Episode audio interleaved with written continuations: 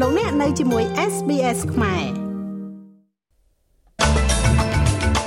នាយករដ្ឋមន្ត្រីអូស្ត្រាលីនិយាយថាគ្រប់គ្រាន់គឺគ្រប់គ្រាន់តាក់ទងទៅនឹងករណីរបស់ស្ថាបនិក WikiLeaks លោក Julian Assange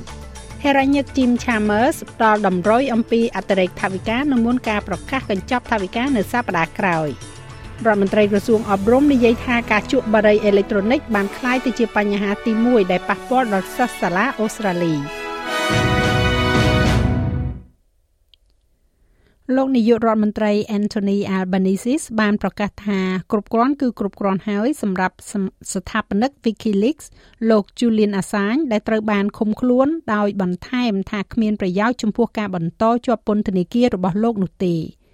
ប៉ុន្តែមេដឹកនាំបក Labor រូបនេះដែលស្ថិតក្នុងសហភាពអឺរ៉ុបសម្រាប់ការឡើងគ្រងរាជ្យរបស់ព្រះមហាក្សត្របានបដិសេធមិនបង្ហាញថាតើលោកនឹងលើកឡើងនៅករណីរបស់លោកអាសាញនេះនៅក្នុងអំឡុងពេលទស្សនកិច្ចនាពេលខាងមុខរបស់ប្រធានាធិបតីអាមេរិកលោក Joe Biden ដែរឬអត់នោះទេស្ថាបនិកជនជាតិអូស្ត្រាលីរូបនេះបានជាប់ពន្ធនាគារនៅចក្រភពអង់គ្លេសអស់រយៈពេលជាង4ឆ្នាំ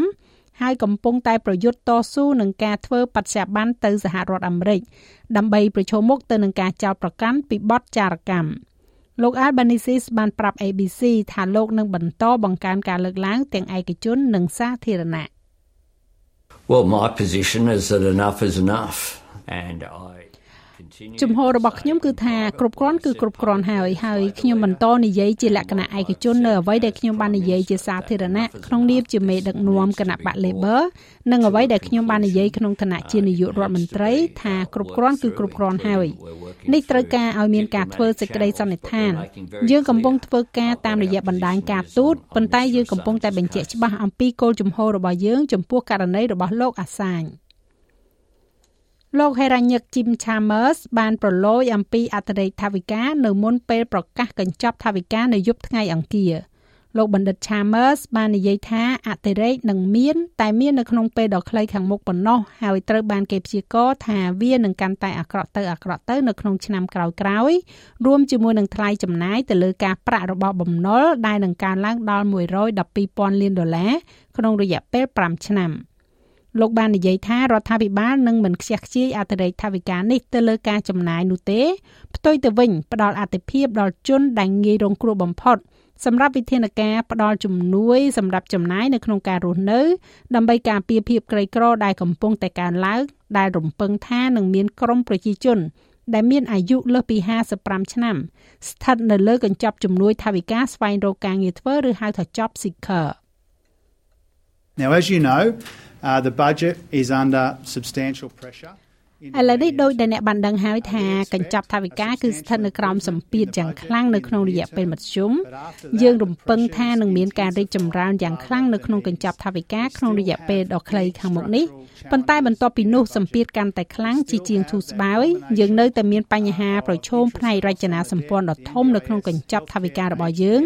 យើងនៅតែមានការរួមបញ្ចូលគ្នានៅការចំណាយការប្រាក់ទៅលើបំណុលការថែទាំសុខភាព NDIS Aged Care និងវិស័យការពារជាតិដោយដាក់សម្ពាធយ៉ាងខ្លាំងទៅលើកញ្ចប់ថវិកានេះលោកនាយករដ្ឋមន្ត្រីស្ដីទី Richard Marles មានប្រសាសន៍ថារដ្ឋាភិបាលសហព័ន្ធនឹងត្រូវការប្រុងប្រយ័ត្នចំពោះការចំណាយទៅលើការប្រាក់បំណុលចំនួន112,000លានដុល្លារនេះខណៈដែលខ្លួនរៀបចំដើម្បីប្រកាសវិធានការផ្តល់ជំនួយសង្គ្រោះសម្រាប់ប្រជាជនអូស្ត្រាលីទាំងអស់នៅក្នុងកញ្ចប់ថវិកាសប្តាហ៍ក្រោយ លោក Males បានប្រាប់ស្ថានីយទូរទស្សន៍ប៉ុស្តិ៍លេខ9ថាបំណុលនេះត្រូវបានបង្កើតឡើងដោយការគ្រប់គ្រងហិរញ្ញវត្ថុគ្មានការទទួលខុសត្រូវរបស់រដ្ឋាភិបាលមុន We we as a government inherited a trillion dollars of debt from យើងជារដ្ឋាភិបាលមួយដែលបានទទួលមរតកបំណុលរាប់ពាន់លានដុល្លារពីអតីតរដ្ឋាភិបាលដែលតាមវោហារសាស្ត្ររបស់ពួកគេគឺជារដ្ឋាភិបាលដែលចំណាយច្រើននិងយកពន្ធខ្ពស់ដែលខ្វះវិន័យនៅពេលដែលនិយាយអំពីការគ្រប់គ្រងថវិកាដូចជាថាឥឡូវនេះយើងមានបំណុល1 trillion ដុល្លារហើយមានតិចតួចណាស់ក្នុងការបង្ហាញវា ហើយនេះមានន័យថានៅក្នុងលក្ខខណ្ឌនៃការរៀបចំកញ្ចប់ថវិកាមួយគឺថាយើងត្រូវប្រឈមមុខទៅនឹងវិក័យប័ត្រការប្រាក់ចំនួន112,000លានដុល្លារក្នុងរយៈពេល5ឆ្នាំខាងមុខដើម្បីបម្រើបំណុលនោះទោះជាយ៉ាងណាក៏ដោយមេដឹកនាំបកប្រឆាំងលោក Peter Dutton បានតបទៅនឹងអំណះអំណាងរបស់លោកនាយករដ្ឋមន្ត្រីស្ដីទីវិញដោយចង្អុលបង្ហាញថាគណៈបកសម្ព័ន្ធបានធ្វើឲ្យហេរញ្ញវត្ថុរបស់ប្រទេសនេះមានដំណើរការល្អឡើងវិញ លោកបានបន្ថែមថាបំណុលទាំងនេះត្រូវបាននាំមកដោយវិធានការដែលត្រូវបានដាក់ចេញក្នុងអំឡុងពេល COVID ហើយដែលទាំងអស់នោះមានការអនុម័តយល់ព្រមពីគណៈបក Labor The fact is that when we came into government The trajectory of the debt was 660ការពិតនោះគឺថានៅពេលដែលយើងចូលជារដ្ឋាភិបាលលំអាននៃបំណុលគឺ667,000លានដុល្លារហើយនោះហើយគឺជាអ្វីដែលគណៈបក Labor បានធ្វើ យើងធ្វើឲ្យកញ្ចប់ថវិកាមានតុល្យភាពមកវិញហើយបន្ទាប់មក COVID បានវាយប្រហារយើងបានចំណាយ343,000លានដុល្លារតាមរយៈ Job Keeper ដើម្បីរក្សាឲ្យប្រជាជនឲ្យស្ថិតនៅក្នុងការងាររបស់ពួកគេរក្សាអាជីវកម្មឲ្យនៅថិតថេរគណៈបក Labor បានគ្រប់គ្រងនៅរាល់ការចំណាយទាំងនោះហើយពួកគេបានស្នើសុំការចំណាយចំនួន81,000លានដុល្លារផ្សេងទៀត រដ្ឋមន្ត្រីក្រសួងអប់រំលោក Jason Clare មានប្រសាសន៍ថាការជក់បារីអេເລັກត្រូនិកឬក៏ vaping បានคล้ายទៅជាបញ្ហាទី1ដែលប៉ះពាល់ដល់សិស្សសាលា។វាកាលឡើងបន្ទាប់ពីសេចក្តីថ្លែងការណ៍របស់រដ្ឋមន្ត្រីក្រសួងសុខាភិបាលលោក Mark Butler នៅក្នុងអំឡុងពេលដែលលោកបាននិយាយថាលោកនឹងធ្វើការជាមួយរដ្ឋមន្ត្រីក្រសួងអប់រំដើម្បីលុបបំបាត់បារីអេເລັກត្រូនិកចេញពីទីធ្លាសាលារៀននៅទូទាំងប្រទេសអូស្ត្រាលីលោក Jason Clare បានប្រាប់ ទូទស្សន៍ប៉ុស្តិ៍លេខ7ថាសារធាតុគ្រោះថ្នាក់ដែលមាននៅក្នុងបារីអេເລັກត្រូនិកដែលត្រូវបានការពារដោយការវេចខ្ចប់ដោយឆ្លាតវៃចាំបាច់ត្រូវតែយកមកបំភ្លឺ។ These things look like highlighters or USBs that you can hide របស់ទាំងនេះមើលទៅដូចជាប៊ិចគូសរំលេចពណ៌ដែលយើងហៅថា highlighter ឬក៏ USB ដែលអ្នកអាចលាក់នៅក្នុងខ្មៅដៃឬក៏កាបូបរៀនបាន ការលុបបំបាត់រសជាតិដ៏ប្រណិតអ្នកអាចទិញរបស់ទាំងនេះបានក្នុងរសជាតិដូចជា cookie and cream វាត្រូវបានរចនាឡើងដើម្បីកំណត់គោលដៅមកលើកូនកូនរបស់យើង ហើយវាមានសារធាតុគីមីនៅក្នុងនោះដែលអ្នករកឃើញនៅក្នុងថ្នាំសម្រាប់ស្រូវសាលីនោះហើយជាមូលហេតុដែលឪពុកម្ដាយត្រូវបានបារម្ភអំពីវា គ្រូបង្រៀនត្រូវបានប្រែក្លាយទៅជាប៉ូលីសចាប់បារី រកមើលវត្ថុទាំងនេះនៅក្នុងកាបូបរៀនហើយដោយដែលលោកម៉ាកបាននិយាយថានេះបានคล้ายទៅជាបញ្ហាអាកប្បកិរិយាដ៏ធំមួយអ្នកកាន់ទុករាប់រយនាក់បានចូលរួមគោរពវិញ្ញាណក្ខន្ធអ្នកធ្វើយុទ្ធនាការយុត្តិធម៌សង្គមនិងជាអាចារ្យ Father Bob Macquarie នៅឯពិធីបុណ្យសពថ្នាក់រដ្ឋមួយក្នុងទីក្រុង Melbourne លោកទទួលមរណភាពក្នុងជំនាអាយុ88ឆ្នាំដោយបានបម្រើការជាអាចារ្យកាតូលិកអស់រយៈពេល50ឆ្នាំ ហើយត្រូវបានតែងតាំងជាសមាជិកនៃ Order of Australia ក្នុងឆ្នាំ1989សម្រាប់ការងាររបស់លោកជាមួយនឹងយុវជនដែលគ្មានផ្ទះសម្បែងលោកក៏បានបង្កើតអង្គការសប្បុរសធម៌មួយដែលផ្ដល់អាហារដោយឥតគិតថ្លៃដល់មនុស្សរាប់រយនាក់ជារៀងរាល់សប្តាហ៍ដែលជាអ្នកដែលខ្វះខាតផងដែរប្រជាជនបានតម្រង់ជួរនៅឯ Port Sut សំទោស Port Sudan កាលពីថ្ងៃប្រហ័សម្សិលមិញក្នុងគោលបំណងដើម្បីគេចចេញពីការប្រយុទ្ធដែលកំពុងតែកើតឡើងនៅទូទាំងប្រទេសស៊ូដង់យន្តហោះរបស់កងទ័ពអាកាសអូស្ត្រាលីមួយគ្រឿងបានបញ្ឈរនៅលើផ្លូវហោះហើររងចាំដឹកអ្នកជំនះទៅកាន់ប្រទេសអូស្ត្រាលីខណៈដែលមនុស្សតម្រង់ជួររងចាំត្រួតពិនិត្យឯកសាររបស់ពួកគេ។ ចំនួននៅក្នុងប្រទេសស៊ូដង់ទំនងជានឹងបន្តអូសបន្លាយនេះបើតាមការព្រមានរបស់សហរដ្ឋអាមេរិកកាលពីថ្ងៃប្រហ័សខណៈដែលកងទ័ពស៊ូដង់បានព្យាយាមបណ្ដេញកងកម្លាំងប្រដាប់អាវុធរហ័ស RSF ចេញពីទីតាំងរបស់ខ្លួននៅជិតកណ្ដាលក្រុង Khartoum ក្នុងការប្រយុទ្ធគ្នាយ៉ាងខ្លាំងក្លាភាគីនីមួយៗហាក់ដូចជាកំពុងប្រយុទ្ធដើម្បីគ្រប់គ្រងទឹកដីក្នុងរដ្ឋធានីនេះនៅមុនពេលការចរចាដែលអាចកើតមានឡើងទោះបីជាមេដឹកនាំនៃបកទាំង ពីរបានបង្ហាញឆន្ទៈជាសាធារណៈតិចតួចនៅក្នុងការពិភាក្សាបន្ទាប់ពីការប្រយុទ្ធគ្នាអស់ពេលជាង2សប្តាហ៍ក៏ដោយការធ្លាក់ចូលទៅក្នុងសង្គ្រាមភ្លាមៗនេះបានសម្លាប់មនុស្សអស់រាប់រយនាក់បង្កជាគ្រោះមហន្តរាយមនុស្សធម៌បញ្ជូនជនភៀសខ្លួនទៅកាន់រដ្ឋជិតខាង និងហានិភ័យនៃការអូសទាញចូលអំណាចពីខាងក្រៅធ្វើឲ្យមានអស្ថិរភាពក្នុងតំបន់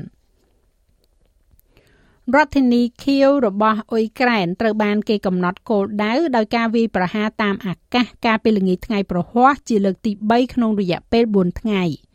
លោកអភិបាលក្រុង Vitali Klitschko និយាយថាប្រព័ន្ធការពារដែនអាកាសរបស់ទីក្រុងគៀវបានបាញ់ទម្លាក់យន្តហោះគ្មានមនុស្សបើកនៅសង្កាត់ Purchase Ski កណ្ដាលដោយបង្កឲ្យមានអគិភ័យនៅក្នុងអគារ4ជាន់មួយ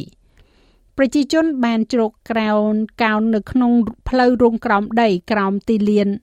Menden Square ក្នុងទីក្រុងគៀវខណៈដែលឮសំឡេងស៊ីរ៉ែនវាយប្រហារតាមអាកាសយ៉ាងកងរំពងកម្មជ្រួចការពារពីរគ្រាប់បានបាញ់ពេញផ្ទៃមេឃពេលល្ងាចនោះហើយសំឡេងផ្ទុះយ៉ាងខ្លាំងមួយត្រូវបានបន្លឺឡើងមិនមានការរាយការណ៍ពីមនុស្សស្លាប់ភ្លាមៗនោះទេលោក Andrei Fichenko គឺជាអ្នករស់នៅក្នុងតំបន់នោះ រៀបរាប់ពីរបៀបដែលលោកគេចចេញទៅខាងក្រៅនៅពេលដែលលោកឮសំឡេងបាញ់ប្រហារយ៉ាងដូចនេះថា I live nearby. My son serves in the ខ្ញុំរ military. ស់នៅក្បែរនោះកូនប្រុសខ្ញុំបម្រើក្នុងជួរទាហានគេបានប្រមានខ្ញុំឲ្យចាក់ចេញពីអាគារហើយនៅតាមផ្លូវបន្ទាប់ពីមានការជូនដំណឹងដូច្នេះខ្ញុំបានដើរចេញទៅមើលឃើញយន្តហោះ drone ហោះនៅខាងលើក្រោយមកខ្ញុំបានឃើញអ្វីមួយស្ទាក់នៅទីនោះបន្ទាប់មកខ្ញុំឃើញផ្សែងនៅទីនោះ ខ្ញុំចុះទៅមើលឃើញភ្លើងឆេះអស់ជាក់ស្ដែងវាគឺជាយន្តហោះដែលគ្មានមនុស្សបើករបស់រុស្ស៊ី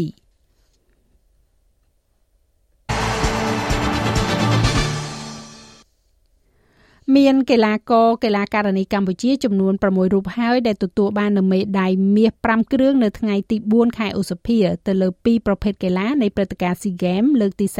32ឆ្នាំ2023នៅកម្ពុជានៅក្នុងនោះកីឡាសម្ដែងក្បាច់គុន Jiu-Jitsu ទទួលបាននូវមេដាយមាសមួយគ្រឿងដែលជាវិញ្ញាសាសម្ដែងគូផ្នែកបុរស2នាក់និងការសម្ដែងក្បាច់គុនល្បុក្កតោទទួលបាននូវមេដាយមាស4គ្រឿងនិងកីឡាករ2រូបនិងកីឡាការិនី2រូប ចំណែកការប្រកួតគ្នាដណ្ដើមមេដាយមាសលើកីឡាក្បាច់គុន Jiu-Jitsu គឺកីឡាការិនីកម្ពុជា ដែលជាម្ចាស់មេដាយពិភពលោកនិងជាម្ចាស់មេដាយ SEA Games កន្លងមកនោះគឺកញ្ញាខាន់ចេសាទទួលត្រឹមមេដាយប្រាក់ដោយសារតែចាញ់ក្រោមដៃកីឡាការិនីហ្វីលីពីនចាស់ឲ្យលោកមេងផល្លានឹងជួនសេចក្តីរាយការណ៍លម្អិតនៅវគ្គក្រោយជាបន្តទៀតឬលោកអ្នកអាចចូលស្ដាប់នៅរបាយការណ៍ពេញលើគេហទំព័រ sbs.com.au/ ខ្មែរ យើងក៏លេខមកមើលអត្រាប្តូរប្រាក់វិញ1ដុល្លារអូស្ត្រាលីមានតម្លៃប្រមាណជា67សេនដុល្លារអាមេរិកត្រូវនឹង2770រៀលប្រាក់រៀលខ្មែរ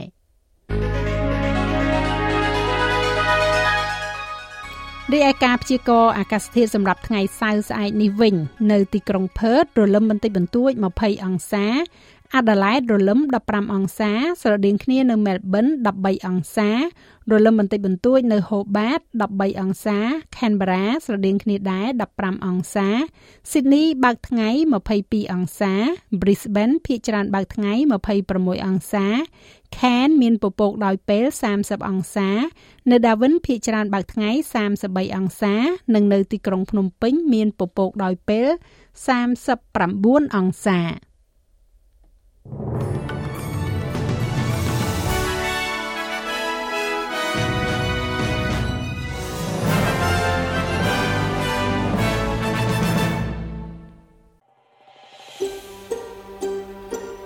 ង់ស្ដាប់រឿងក្រៅបែបនេះបន្ថែមទៀតទេ